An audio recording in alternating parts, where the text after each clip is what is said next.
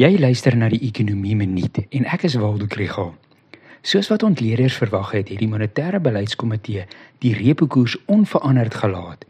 Vereers beteken dit dat ons paemente dieselfde bly en dit lyk nie of dit vinnig gaan verander nie.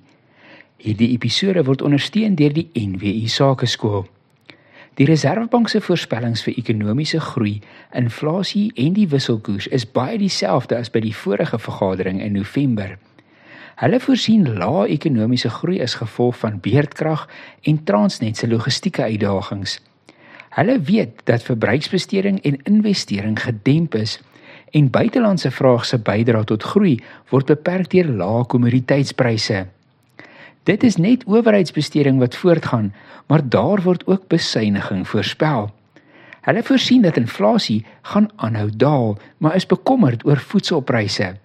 Hulle dink dat brandstofprysinflasie laag gaan bly. Hulle is redelik bekommerd oor die wisselvalligheid van die rand.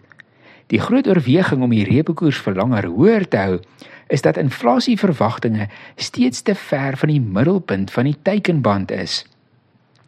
Alles saam moet ons realisties kyk na hoe die Reserwebank dink.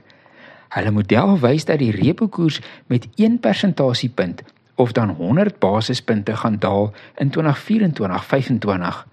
Dit beteken 75 basispunte hierdie jaar en 25 basispunte volgende jaar. As ek aan my huislening dink, voel ek dit is te min verligting. Maar dalk sê dit juis dat ons nog nie mooi besef hoe ernstig hulle is om inflasie verder te verlaag nie. Die tyd gaan leer of hierdie benadering dalk te konservatief is en intussen moet ons nog almal vasbyt.